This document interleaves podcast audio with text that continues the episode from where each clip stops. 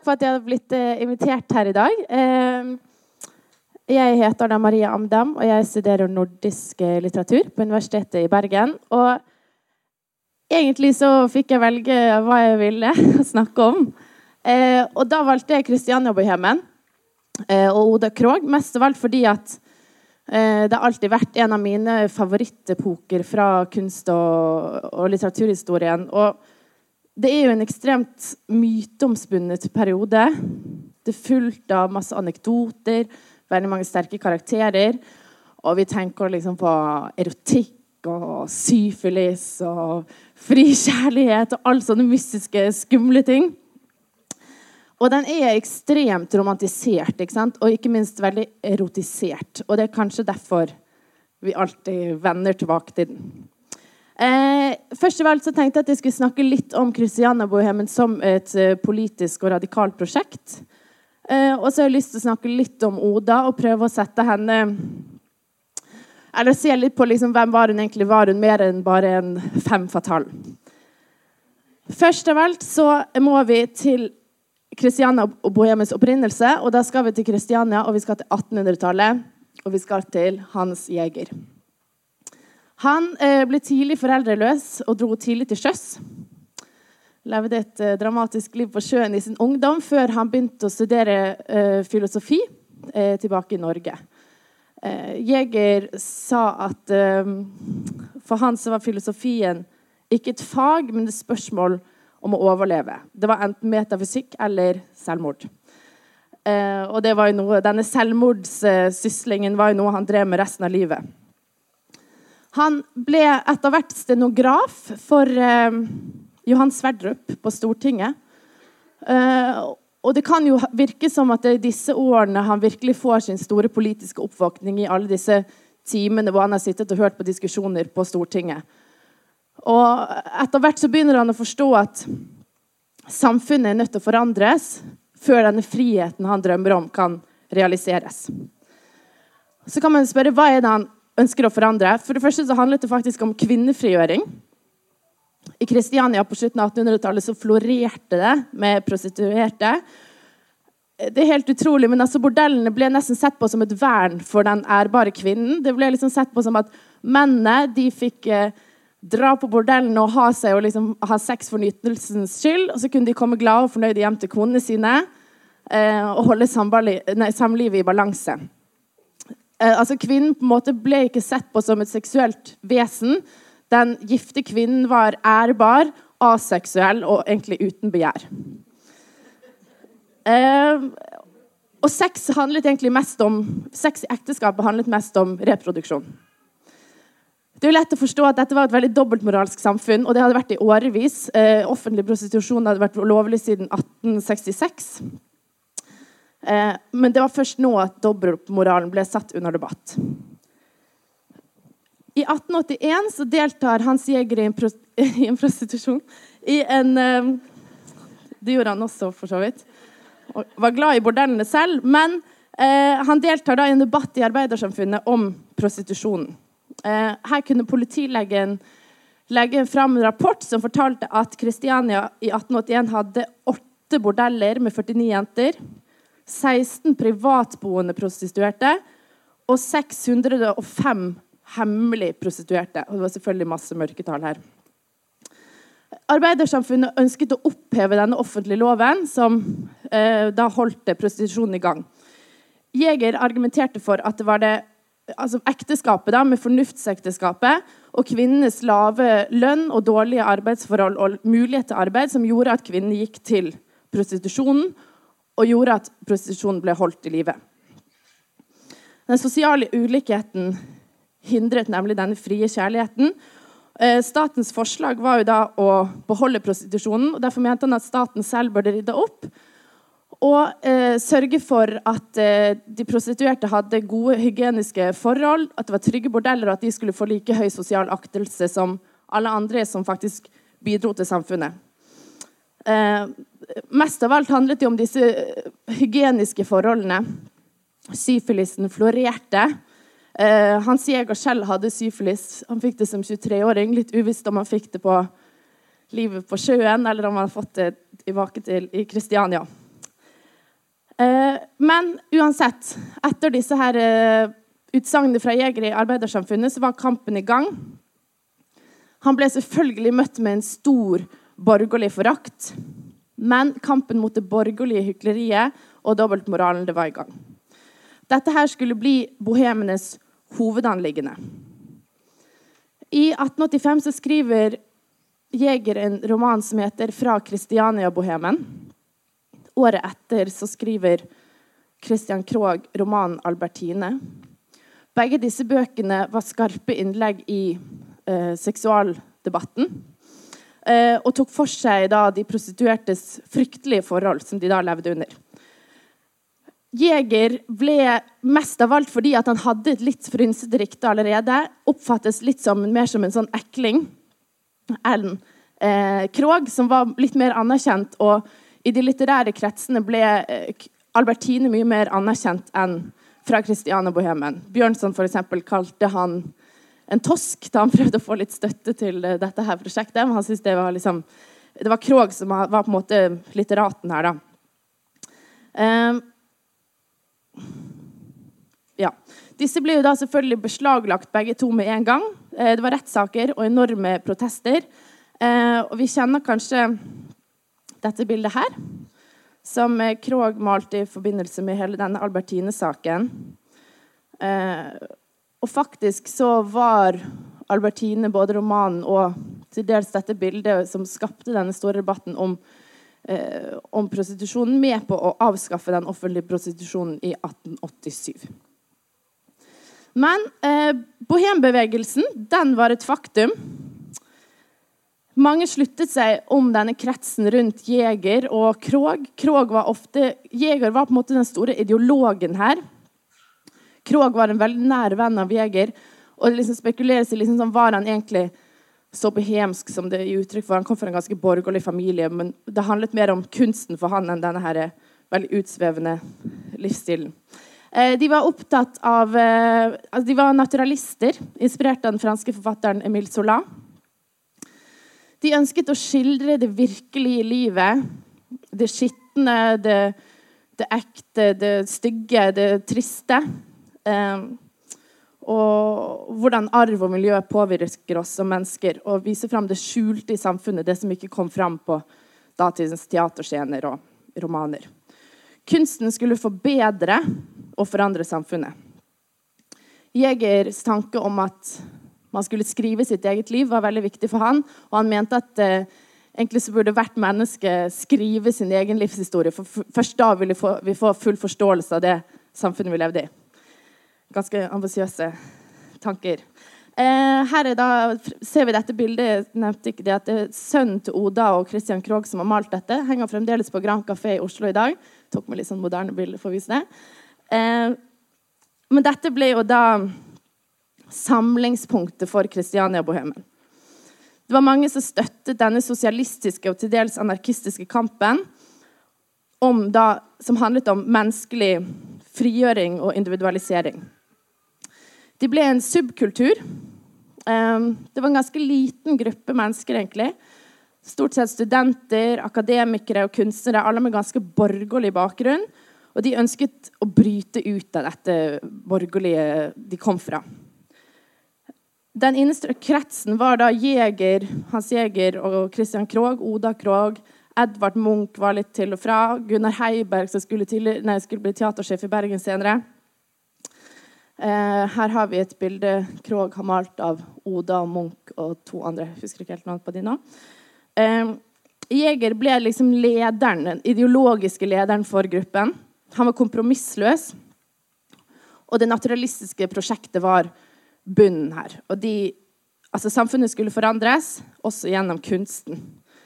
Eh, Krog ble jo mest av alt en viktigere naturalistisk maler for dette prosjektet.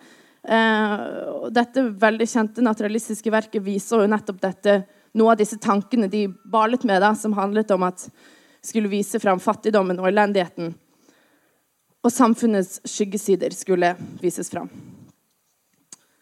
Uh, de lagde også et tidsskrift som het Impresjonisten. Noen av dere kjenner kanskje disse bohembudene. Eh, de har blitt tolket litt vel bokstavelig av noen.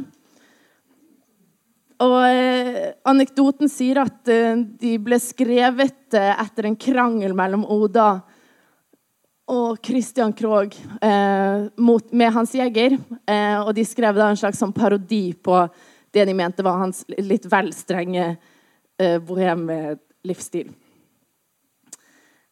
Bud nummer to er jo ganske ironisk. Eh, mange, hvis man ser dette i et klasseperspektiv, så ser vi jo at veldig mange av disse bohemene var jo ganske de kom fra ganske eh, borgerlige, tunge familier med, med god økonomi. Eh, de hadde jo faktisk råd til å sitte på Grand Café hver dag. Eh, og for eksempel, Hans Jæger levde stort sett på søsknene sine gjennom hele livet. Oda levde litt på faren og litt sånne ting.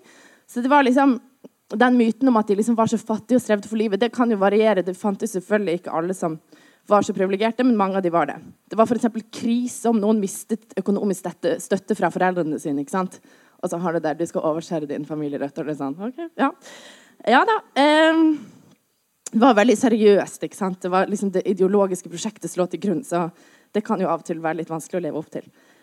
Eh, men eh, til tross for alle disse borgerlige bakgrunnene her, da, så hadde de det store ønsket om å frigjøre seg fra samfunnets strenge normer. Retten til et fritt seksualliv, f.eks., eh, ble en veldig viktig kampsak for dem. Og det er veldig viktig fri, at man ikke blander bare fri kjærlighet med fri sex, men det handlet mer om å bryte med disse fornuftsekteskapene som var så dominerende på denne tiden. altså forhold som er tuftet på økonomi og ikke på kjærlighet. Kjærligheten skulle stå over religion, klassegrenser, over ekteskapet. De så for seg et samfunn hvor man kunne bli sammen med den man elsket, ikke fra økonomiske eh, grunner. Eh, men nå tenkte jeg Må drikke litt vann. Mm. tenkte jeg skal gå over til Oda. Oda Lasson, ung her. Eh, det er skrevet under dette bildet i en, eh, i, Hva vil de kalte det? Ja, en veldig moderne, sånn utfordrende bluse. da. Han var så trang. Oda, i hvert fall, født 1860. Eh, kom fra en veldig borgerlig og kultivert familie. Mormoren hennes var faktisk eh, russisk fyrstinne fra tsarveldet. Eh, faren hennes og resten av familien var liksom fra en sånn tung norsk embetsmannsslekt, så hun kom fra liksom, toppsjiktet av samfunnet. her. Faren hennes, Christian Lasson, var regjeringsadvokat opptatt av kunst og kultur, og var bl.a. med på å starte byggingen av Nationaltheatret. Han skulle dø før det skjedde. da. Eh, de eh, vokste opp i en vakker villa, Lassenløkka, som det kalles. Ligger rett bak Slottet. Eh, hvis du googler den i dag, så får du opp eh, Lassenløkka rehab.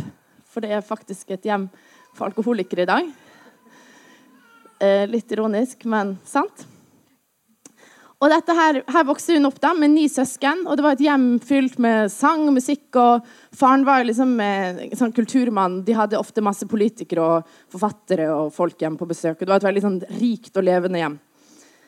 Um, og Tilsynelatende så skal det ha vært et ganske lykkelig liv fram til moren døde uh, bare 43 år gammel. Og etterlot seg da ti barn. Og Oda gifter seg da en måned etter morens død. Da er hun 21 år gammel. Ikke ikke veldig ungt faktisk på den tiden, selv om det høres litt sånn ut. Eh, med en åtte år eldre mann, Fredrik Engelhardt, som var en ja, høytaktet uh, up and coming eh, forretningsmann. Uh, dette var jo et klassisk fornuftsekteskap. Oda kom fra en kultivert familie, fikk styrket sin økonomiske kapital, og han som kom inn i et litt sånn der dannet borgerlig kulturhjem det var litt sånn ja, win-win. Hun fikk to barn ganske fort, men eh, hun kjedet seg fryktelig i dette ekteskapet.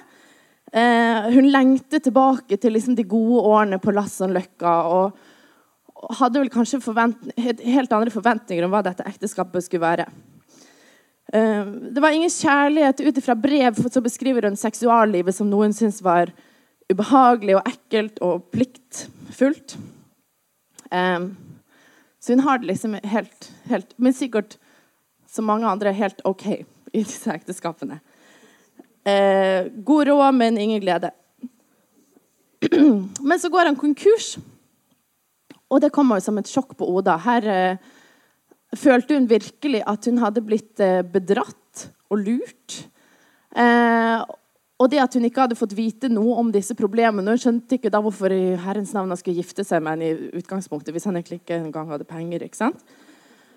Uh, og hun uh, blir rett og slett separert. Hun går fra han etter to års ekteskap. Uh, og kan spørre Hva er grunnen til dette? her? Det virker som Mangel på kjærlighet hadde vært der hele tiden. Så dette handlet mest av alt om økonomi. En ting som er litt interessant, er at til tross Faren til Oda var jo absolutt ingen radikaler. Men at han støttet henne fullt ut i å gå fra mannen sin på den måten, var ganske radikalt. Men det handlet rett og slett mer om at om Oda ble gift, fortsette å være gift med denne her konkursidioten, så ville den skammen være større for hans familie enn, om, eh, enn det at hun faktisk gikk fra han. Den skammen ville være mye mindre enn at hun ble igjen med han er ran, ja, han fyren der. Eh, så eh, hun får eh, rett og slett eh, fart på seg, reiser fra han, eh, flytter til en bitte liten leilighet sammen med sine to barn. Og det blir en ny epoke i hennes liv. Hun hadde lenge hatt malerambisjoner, noe som ikke var så uvanlig, men det var sjelden at kvinner gikk til dette yrket profesjonelt. Uh, vi kjenner jo alle sånn, når vi ser sånn Jane Austen-filmer og sånn, liksom, Damene skulle jo gjerne liksom, spille et piano, være flinke til å brodere. og Fantastisk hvis de var flinke til å male og sånn. Men stoppet liksom der. Ikke mer enn det. Skulle liksom være inne i stuen. Eh, ikke utenfor. Eh, som faren til Oda sa, ja, du må gjerne begynne å male, men hvis du har talent, da får du ikke lov. Og det sier noe om de holdningene, ikke sant? Eh, Oda hun dret jo selvfølgelig det. Hun begynte å male. Hun, eh, Christian Krogh hadde på denne tiden trengt å tjene litt penger, hadde kommet tilbake fra Paris, utdannet maler. Var liksom blitt litt kjent som Skagen-maler, men selvfølgelig trengte å livnære seg. Så han hadde da malerskole for uh, kvinner. Um, og Oda begynner da hos han. Her ser vi et av de første bildene han har malt av henne, som, hvor hun da er ung kunststudent hos han.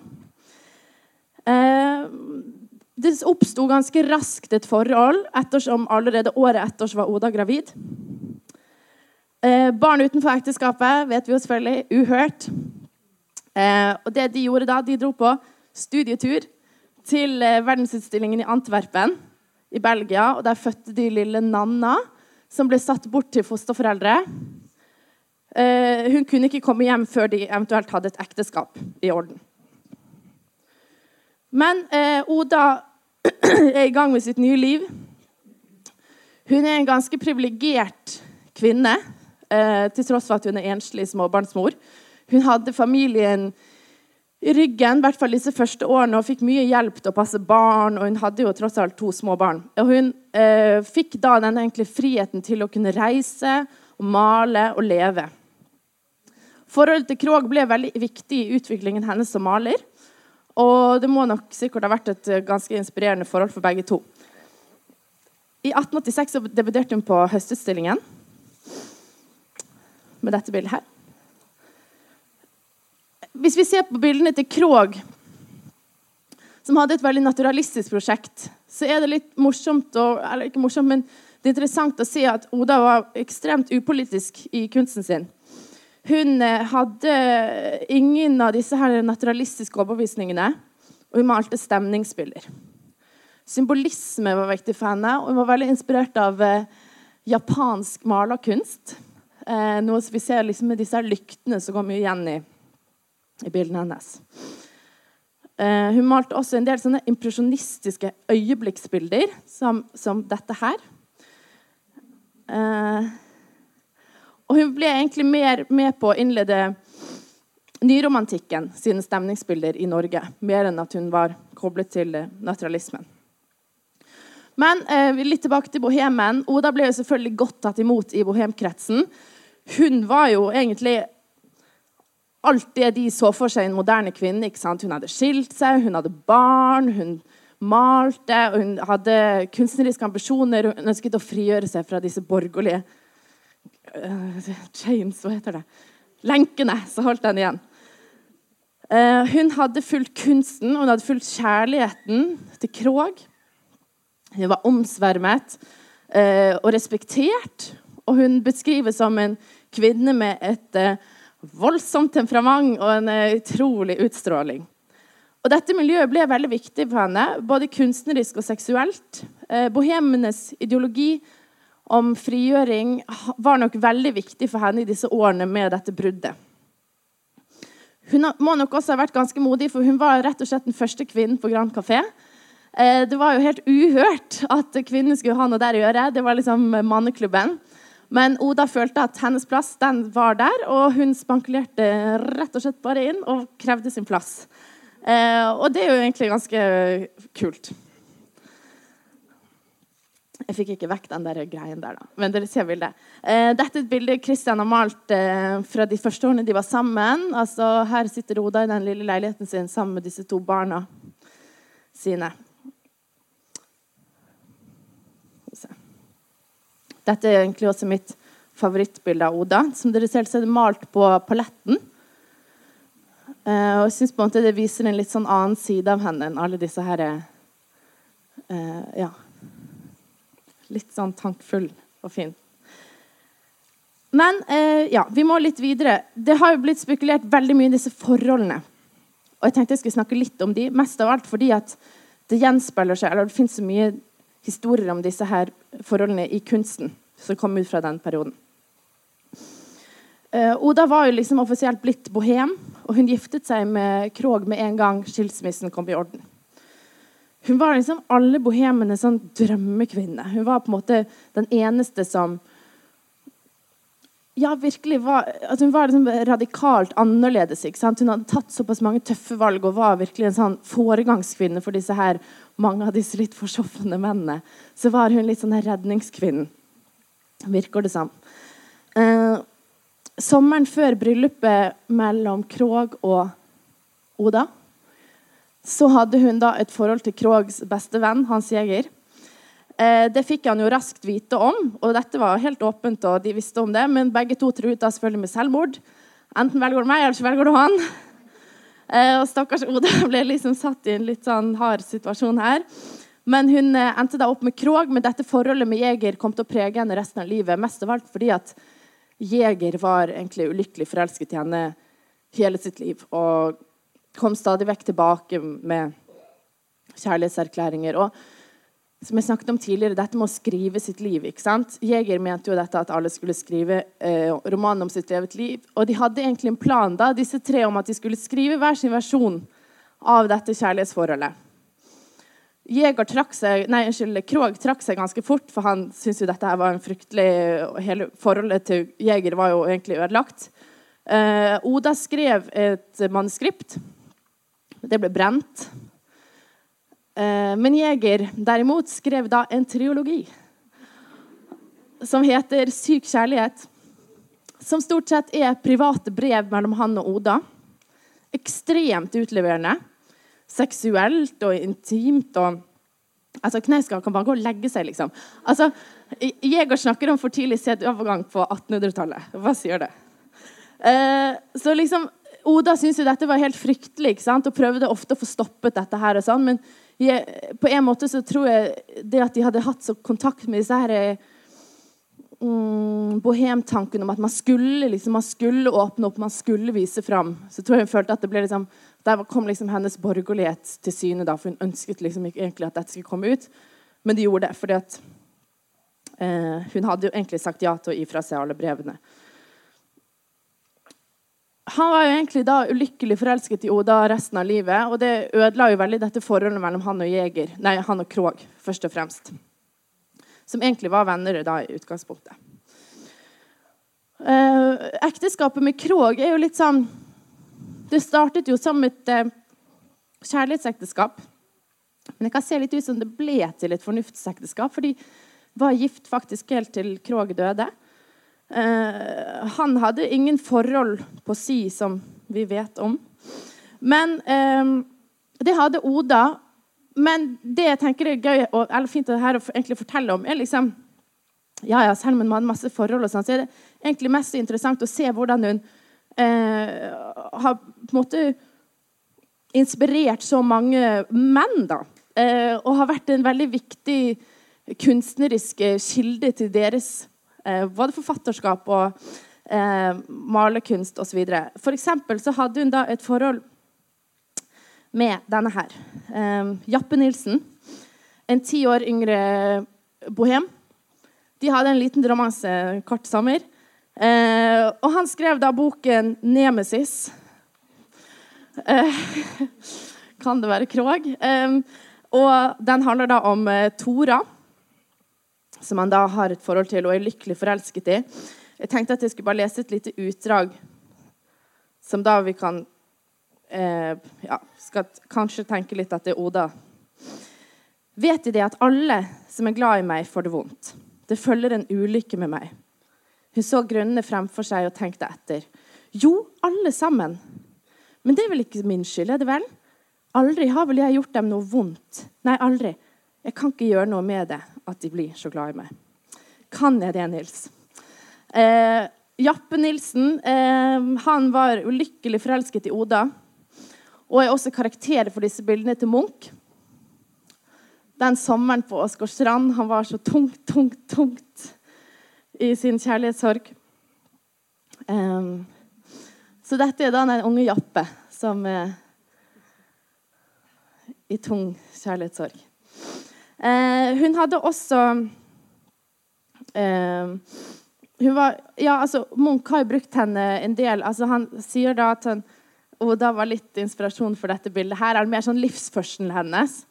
At uh, dette med liksom den frie kvinnen som var, uh, som var på kafé og drakk alkohol og festet og, og alle sånne ting. Um, og så har vi dette bildet her.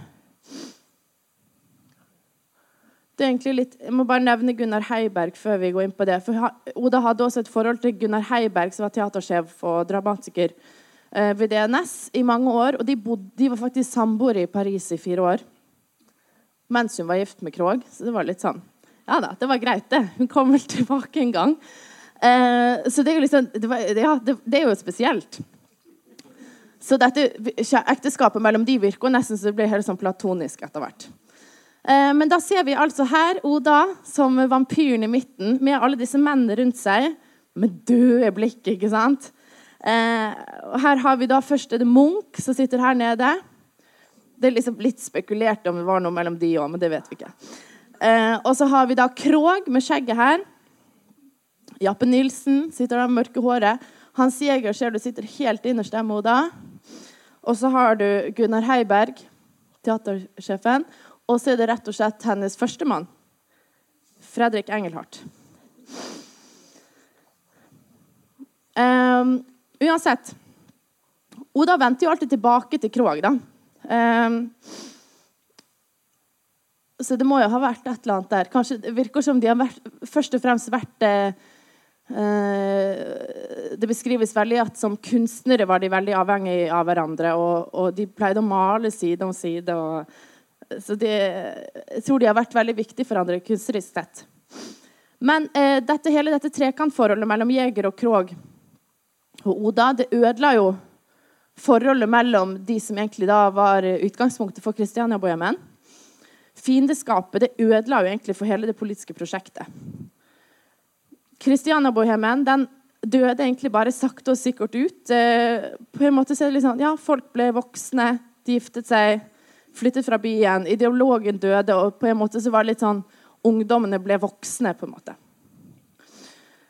Eh, men for å oppsummere litt, så er det liksom Oda har blitt et kvinneikon i norsk historie. Mest av alt fordi hun var så utradisjonell i sine livsvalg. Hun brøt normene, hun søkte kjærligheten. Eh, og Vi fikk jo en sånn Oda-renessanse på 1980-tallet. Ikke at jeg var født da, snakker jeg som jeg husker det. Men eh, med, eh, særlig med, da, med Kjetil Bjørnstad, som tok opp eh, Oda igjen i den dokumentarromanen om Oda.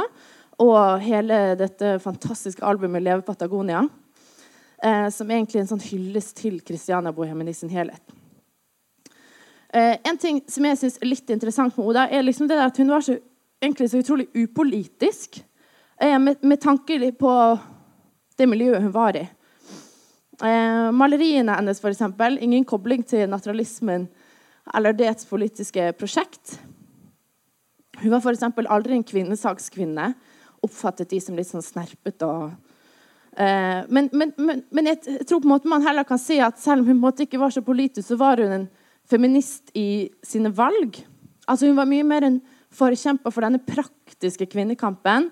Eh, hvor hun da brøt med samfunnets normer om hva en kvinne skulle være. Hun, eh, hun utfordret mor- og hustrurollen, noe som var ganske radikalt. Hun sto imot samfunnets blikk. Altså, det var, Tenk dere så mye sladder det var. liksom. Det var en grunn til at de bodde stort sett i Paris. Eh, hjemme i Norge så led de liksom litt sånn uglesett. Familien hennes hadde egentlig vendt henne ryggen. mange av de i hvert fall. Og hun ofret nok ganske mye for å leve et liv i sannhet, som hun sa selv. At alt hun ønsket, var å leve i sannhet. Hun brøt rett og slett grensene for hva en moderne kvinne kunne gjøre. Og på mange måter så var hun en slags sånn foregangskvinne for kvinnelig seksualitet. Og i hvert fall anerkjente at den var der. Eh, og hun på en måte klarte å frigjøre seg fra borgerskapets patriarkalske makt. Eh, men først og fremst så vil jo Oda leve videre som en myte Gjennom kunsten, gjennom bildene, gjennom historiene. Og hun vil også alltid være bohemenes aller viktigste kvinne.